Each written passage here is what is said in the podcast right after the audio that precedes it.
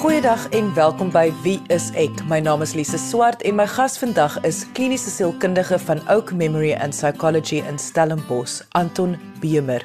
En ons gaan vandag gesels oor kompulsiewe opgaar of wat ook bekend staan as opgaarversteuring. Die meeste mense sal die Engelse woord hiervoor herken en dit is hoarding, hoarding disorder. Ons gaan vandag hieroor gesels want dit is deel van die angsfamilie. En wat ons gedurig hier op wie is ek vir mense sê is dat ons moet baie meer bewus wees van die angs en angsfamilie juis in hierdie vreemde tye waarin ons ons tans bevind. Indien jy enige vrae het oor hierdie onderwerp, kan jy ons kontak deur ons webwerf by www.wieisek.co.za. Maar kom ons luister nou eers na my gesprek met Anton Bemer oor opgaarversteuring. Anton, ek dink ons moet heel eers net uitklaar. Wat is die verskil tussen opgaar en byvoorbeeld versamel? As iemand 'n versamelaar is, dan het hulle 'n baie spesifieke fokus of belangstelling. Hulle kyk met ander woorde uit na modelmotors, hulle kyk uit na sekere sport memorabilia of om seels te versamel as mens bietjie teruggaan in tyd. Maar hulle is baie gefokus om dit goed te kategoriseer om te spaar om spesifieke items te koop en natuurlik dan het hulle baie vreugde wat hulle daaruit put om dit vir ander mense te wys.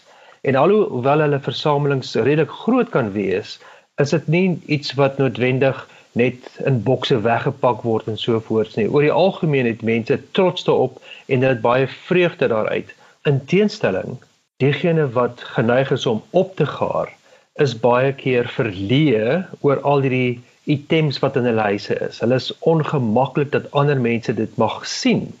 En ongelukkig neem dit al hulle spasie so oor dat hulle nie regtig 'n veilige lewensspasie meer by die huis het nie.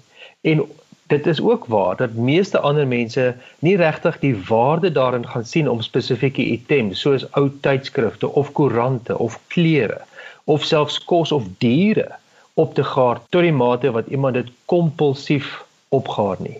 Net om seker te maak ek verstaan reg. So wat jy sê is dit is nie vir hulle 'n versameling nie. Daar is 'n dis amper soos 'n patologie wat daar agter lê. Of wat dryf hulle? Dit is 'n baie belangrike onderskeid, Lise, want as dit nie 'n patologie is nie, dan sou dit nie vir hierdie persone soveel ongemak en hartseer en verleentheid veroorsaak het nie. En dit is baie belangrik alhoewel ons al oor eeue weet van mense wat dinge geweldig opgaar, alhoewel hulle dit nooit gebruik nie en dit regtig nutteloos is. Is dit selfs net eers in die laaste 7 jaar wat ons noem kompulsiewe opgaar versteuring as versteuring op sy eie geïdentifiseer was. Van tevore was dit gesien as deel van die obsessief kompulsiewe versteuring en hierdie opgaarding was een van die simptome daarvan. Maar in die nuutste beskrywings van geestesgesondheidsversteurings word hierdie opgaar probleem werklik gesien as 'n probleem op sy eie.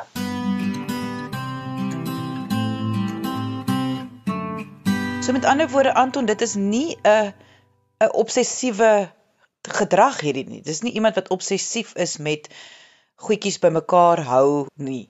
Dis belangrik ook om daardie onderskeid te maak want as ons praat van obsessies, dan dink ons baie aan gedagtes.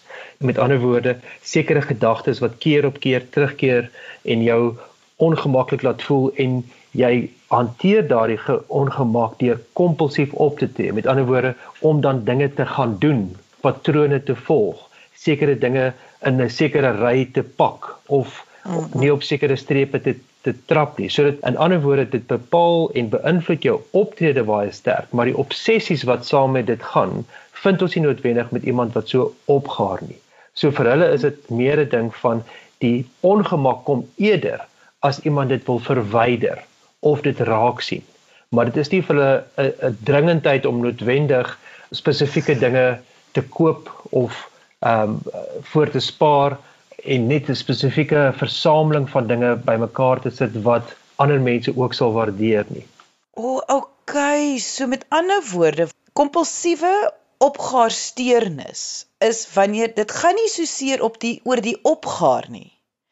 Dit gaan oor wanneer iemand daardie opgaar agterkom, die gedrag raak sien, die gedrag erken en herken en dan probeer om die gedrag dan namens hierdie persoon of vir hierdie persoon te wil verander.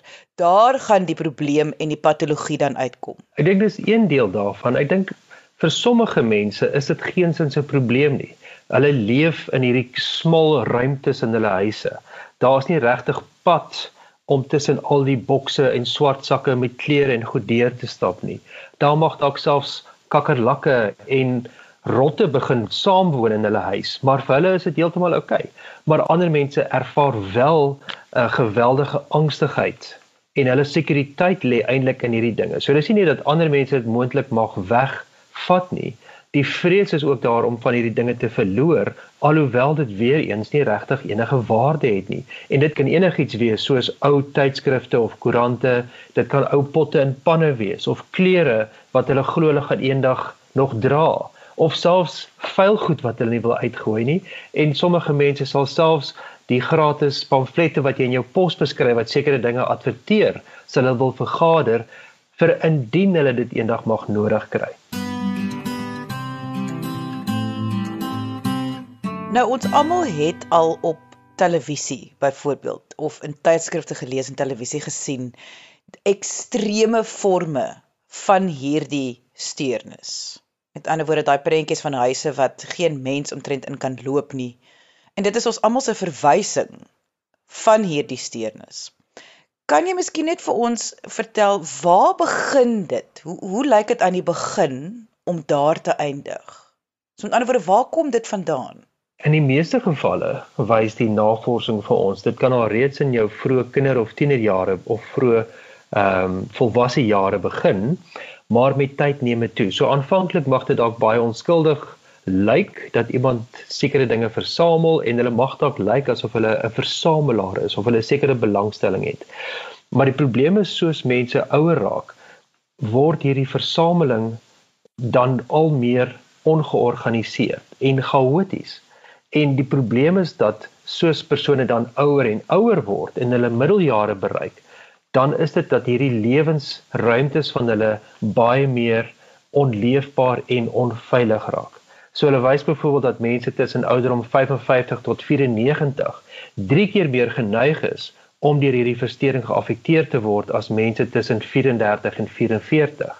So dit is iets wat met tyd baie erger raak. Dit wys ook dat interessant genoeg dat mans meer geneig is om dit te doen as vrouens en dat dit ook baie keer mense is wat op hulle eie bly en nie noodwendig nabye familie het nie. Met ander woorde redelik geïsoleerd is wat geneig is om dit te doen. Wat die behandeling hiervan moeilik maak is dat ons nie presies seker is wat die triggers is of wat die aanvangsredes is hoekom so 'n probleem ontstaan nie. En daar is sekere hipoteses waarmee mense kan werk, soos byvoorbeeld as iemand baie arm groot geword het en later in hulle lewe het hulle 'n baie sterk behoefte om dinge bymekaar te hou en bymekaar te maak vir ingeval daar weer 'n tyd van armoede mag voorlê. Ehm um, daar is ook diegene wat as gevolg van sekere persoonlikheidseienskappe geneig is om dinge meer op te gaar en hulle wys baie keer uit mense wat baie besluitloos is. Ehm uh, mense wat baie perfeksionisties is en ook baie keer 'n uh, vorm van afhanklikheid het. En net soos enige ander vorm van afhanklikheid, sê byvoorbeeld aan alkohol of op dwelmmiddels, is hierdie ook 'n afhanklikheid om aan dinge vas te hou, meer materiële dinge om vir hulle daai gevoel te gee van hier is 'n veilige plek. Ek ek het al hierdie dinge hier rondom my wat ek sentimentele waarde mag heg aan. En ek dink die ander deel wat mense net moet byvoeg Die ander twee aspekte is dat daar is soms 'n familiegeskiedenis hiervan. So dit is nie net iewers dat jy nou begin het daarmee nie, maar dit is baie moontlik dat jou ouers of grootouers moontlik ook so geneigtheid gehad het. En dan ek dink laastens trauma speel 'n belangrike rol vir sekere mense. Nadat iemand 'n uh, baie slegte lewenservaring gehad het soos die dood van 'n geliefde of 'n uh, 'n egskeiding of selfs dat hulle ehm um, huishoudelike goed in 'n vuur verloor het, is hulle daarna geneig om baie meer dinge te koop of dinge van die verlede aan vas te hou wat net opgaar en dan later net nog dinge daarby sit en nog daarby sit. Jy luister na Wie is ek op RCG 100 tot 104 FM. Hoe ek dit baie keer sien en ek is bly dat jy het verslawing ingebring in jou voorbeelde. En dit is so makliker vir mense te laat verstaan. Hierdie is soos 'n verslawing. Voel dit vir my. Dit voel daai da, die die verligting wat of die alkohol of die dwelmmiddels 'n persoon bied om op te gaar en daai veiligheid, die sekuriteit wat die items 'n persoon bied. Dit is tog dieselfde as wat 'n alkohol of heroïne vir iemand kan bied. Ja, want ons almal versamel tog sekere dinge. Ehm um, weet ek het 'n klomp CD's in my huis alhoewel ek nie meer 'n CD speler het wat werk nie. Daar's 'n klomp boeke in ons huis en baie van dit het ek weet 20, 30 jaar terug gekoop en hulle het baie sentimentele waarde vir my. Maar dit kom nie tot op daardie punt waar dit vir dit vir my moeilik maak om in die gang af te loop nie of dit nou onmoontlik is om die badkamer te gebruik nie want die hele bad is byvoorbeeld vol boeke en tydskrifte of die kombuis oppervlakte kan nie meer gebruik word nie want daar is soveel goed wat daarop gepak word en boop daai goed word daar nog goed gepak. So dit is soos jy sê, dit is soos 'n verslawing want hierdie persoon kan nie ophou om dinge bymekaar te maak nie, maar net so moeilik en eintlik moeiliker is om ontslae te raak van enige iets. So daar is 'n angs wat geskep word deur die moontlikheid dat van hulle dinge weggeneem gaan word. En ek dink dit is hoekom hulle ook baie keer hulle deure sal toehou. Nie mense sal oornooi nie. Die gordyne sal toemaak. Vriende en familie verloor kontak met hulle want hulle voel baie verleë soos iemand wat 'n middelafhanklikheid het wat ook baie verleë kan voel omdat hulle huishoudelike situasie baie verval. En ek dink dit veroorsaak dat hierdie persone nog meer eensaamheid en isolasie ervaar en ongelukkig maak dit dan hierdie geneigtheid om nog dinge bymekaar te maak nog groter. Anton het in die eerste helfte van vandag se episode vir ons baie mooi verduidelik wat presies dit beteken. So indien jy dit gemis het en graag wil hoor, onthou jy kan die pot gooi gaan luister op RSG se webwerf. Gaan na www.rsg.co.za, klik op pot gooi, die alfabet gaan dan voor jou verskyn. Gaan na W vir wie is ek en daar kan jy gaan luister na enige van die vorige episodes van Wie is ek? Maar kom ons luister nou eers verder na my gesprek met kliniese sielkundige van Stellenbosch Anton Bemer oor opgaarversteuring. Anton in die eerste helfte het jy veral verduidelik van hoe hierdie versteuring mense kan isoleer van hulle geliefdes. Wat ek wel wil weet is steek hulle dit met ander woorde ook weg vir mense? Ek bedoel hulle is bewus van wat hulle doen, is hulle nie? Hulle is bewus van wat hulle doen, maar hulle is nie noodwendig bewus dat dit 'n probleem is nie. So hulle is heeltemal gemaklik om tussen hierdie sakke rond te loop. Daai sakke klere wat in die studeerkamer lê, hulle gaan dit mos nog gebruik. So dis nie vir hulle 'n probleem nie. Al kan hulle later nie meer in daardie vertrek ingaan nie. Maar ek dink wat dit bitter moeilik vir hulle maak, is dat dit is soms iets waarop hulle baie geld spandeer. Soms sal mense so ver gaan om in rommelsakke te kyk na spesifieke dinge wat hulle graag wil kry. Soos as iemand hulle recycling uitsit, sal hulle die die koerante gaan uithaal. Ongelukkig maak dit hulle huishoudelike situasie baie onveilig. So nie alleen is daar die gevaar dat hulle mag val oor sekere items nie, maar ook is daar natuurlik brandgevaar. Daar is natuurlik 'n probleem met higiëne as daar nie alleen allerlei uh goggas en kokkerotte en so aan begin uitbroei nie, maar as hulle later nie meer die badkamer kan gebruik nie. Die hele badkamer is nou oortrek van al hierdie items wat daar is wat hulle dalk nooit mag gebruik nie, maar nou kan die toilet nie meer gebruik word of die stort of die bad nie, want alles word opgepak en opgepak op enige moontlike oppervlakte as dit nou die vloer is of dit nou die tafels is en as daar nie meer plek binnekant is nie dalk selfs die garage later of selfs die tuin word dan oorspoel met al hierdie items wat hulle opgaar. Die ander probleem is dat sekere mense geneig is om selfs diere so op te gaar. En dit is 'n baie hartseer situasie want hulle is nie in staat om noodwendig vir al hierdie diere te sorg nie. En dit sit nie alleen die persoon se gesondheid nie, maar natuurlik die diere se gesondheid en se welsyn ook in gevaar. En dit is natuurlik hoekom mense nie dit moet ignoreer nie, want in baie situasies is 'n verstoring regtig vir die individu se lewenskwaliteit 'n groot probleem. Hierdie verstoring eh, is 'n gevaar vir 'n persoon op soveel vlakke dat dit voel vir my mens moet baie meer bewus wees hiervan. Sal jy nie saamstem nie? Ek stem heeltemal saam en hulle sê dat tussen 2 tot 5% van die algemene bevolking wat nog 'n groot groep mense het, mm. kan 'n vorm van hierdie verstoring hê.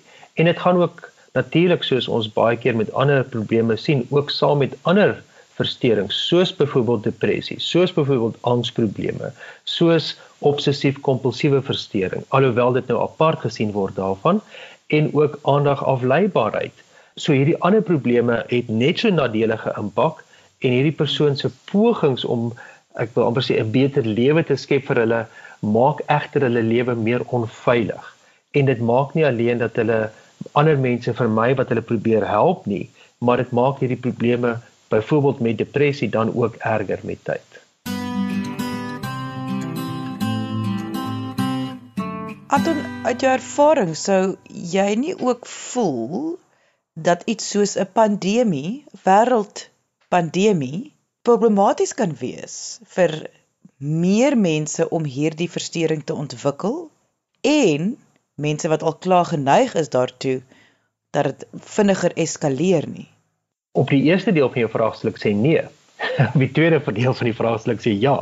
Ek dink met 'n pandemie is dit sodat mense dinge mag opgaar wat vir hulle belangrik is. As hulle bekommerd is, hulle gaan nie meer toiletpapier kan koop nie of dat daar 'n tekort gaan kos 'n tekort aan kos wees, gaan hulle miskien blikkies boontjies en tuna en wat ook al gaan koop en dit opgaar, maar daar is spesifieke doel daarvoor ek dink waar die hmm. persoon alreeds 'n probleem het opgehaar het, is daar 'n baie groter geneigtheid om dan nog meer dinge op te gaar. Want onthou die items wat hulle opgaar het nie noodwendig 'n spesifieke doel nie. Dit gaan meer oor hulle emosionele sekuriteit wat hulle kry daaroor of hulle eie sentiment. En en dit is dat hulle dan baie meer angstigheid mag ervaar in tye van 'n pandemie en daarmee saam 'n sterker behoefte het om dinge bymekaar te maak wat vir hulle van waarde is alhoewel ander mense dit gaan sien as nutteloos. Wanneer jy verwys na die angs wat hierdie persoon ervaar wanneer iemand die items wil wegneem van hulle.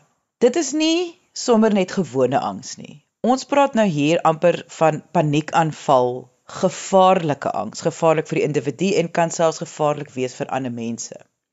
So dit is nie 'n maklike situasie om te hanteer indien 'n geliefde 'n opgaarversteuring ervaar nie.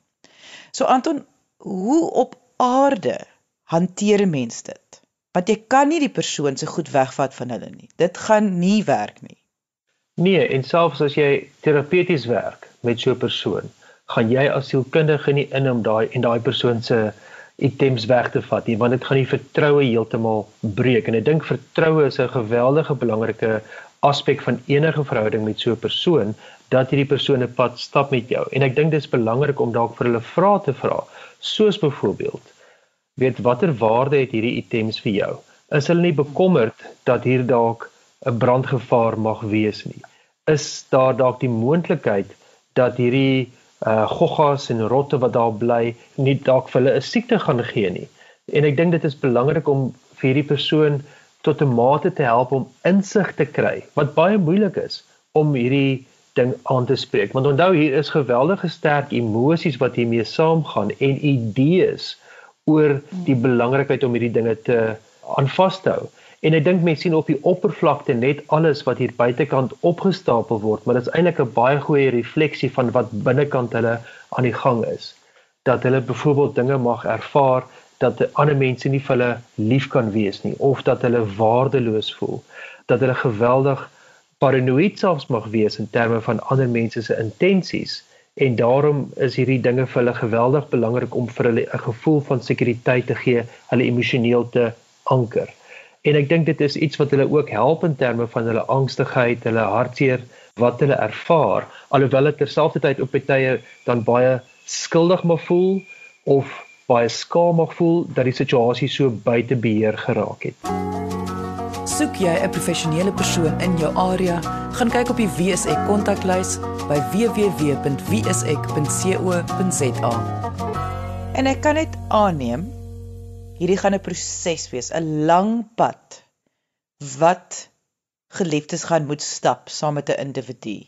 Hierdie gaan nie oornag verander nie, want dit kom mos nou ook 'n hele lang pad al aan. So die patrone is mos baie sterk. En soos jy sê die vertroue gaan met tyd moet opgebou word voor iets gedoen kan word.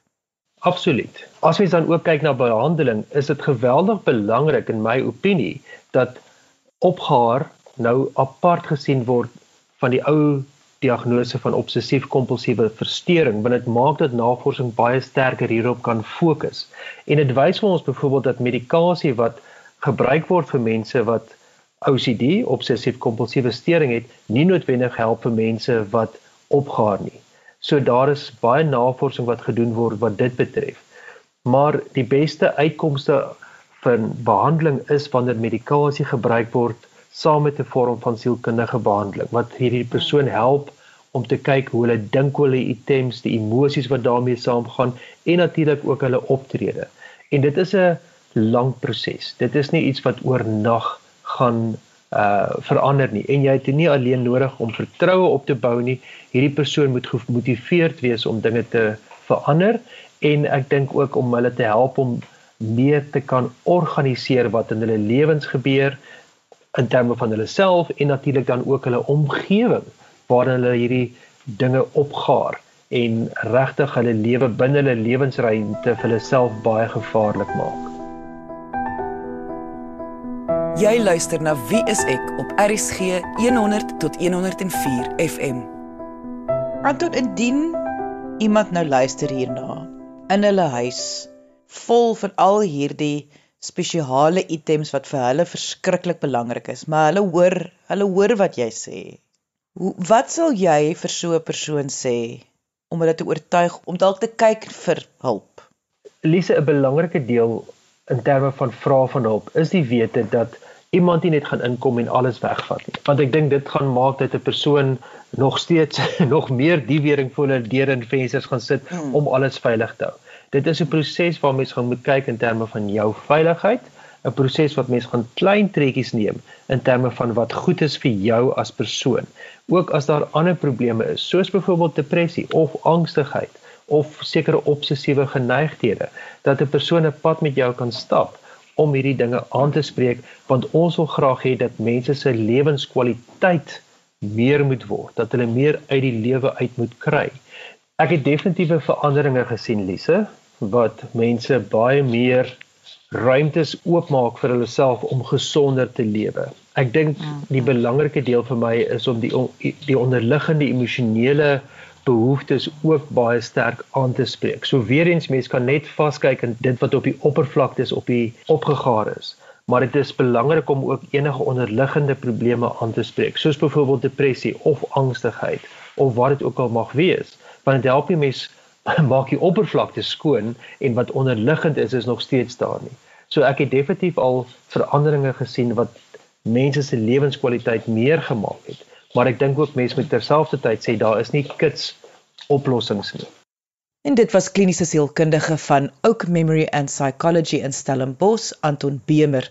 Indien jy enige vrae het oor vandag se onderwerp, kan jy ons kontak deur ons webwerf by www.wieisek.co.za of kom gesels saam op ons Facebookblad onder Wie is ek SA. Onthou weekdae 9uur gesels ek ook met medies professionele mense oor verskeie sielkundige onderwerpe. So kom gesels saam, kom gee jou opinie en kom leer saam. Dankie dat jy vandag ingeskakel het. Ons maak weer so volgende Vrydag 12:30 net hier op RSG. Jy moet 'n heerlike naweek hê en onthou, kyk mooi na jouself.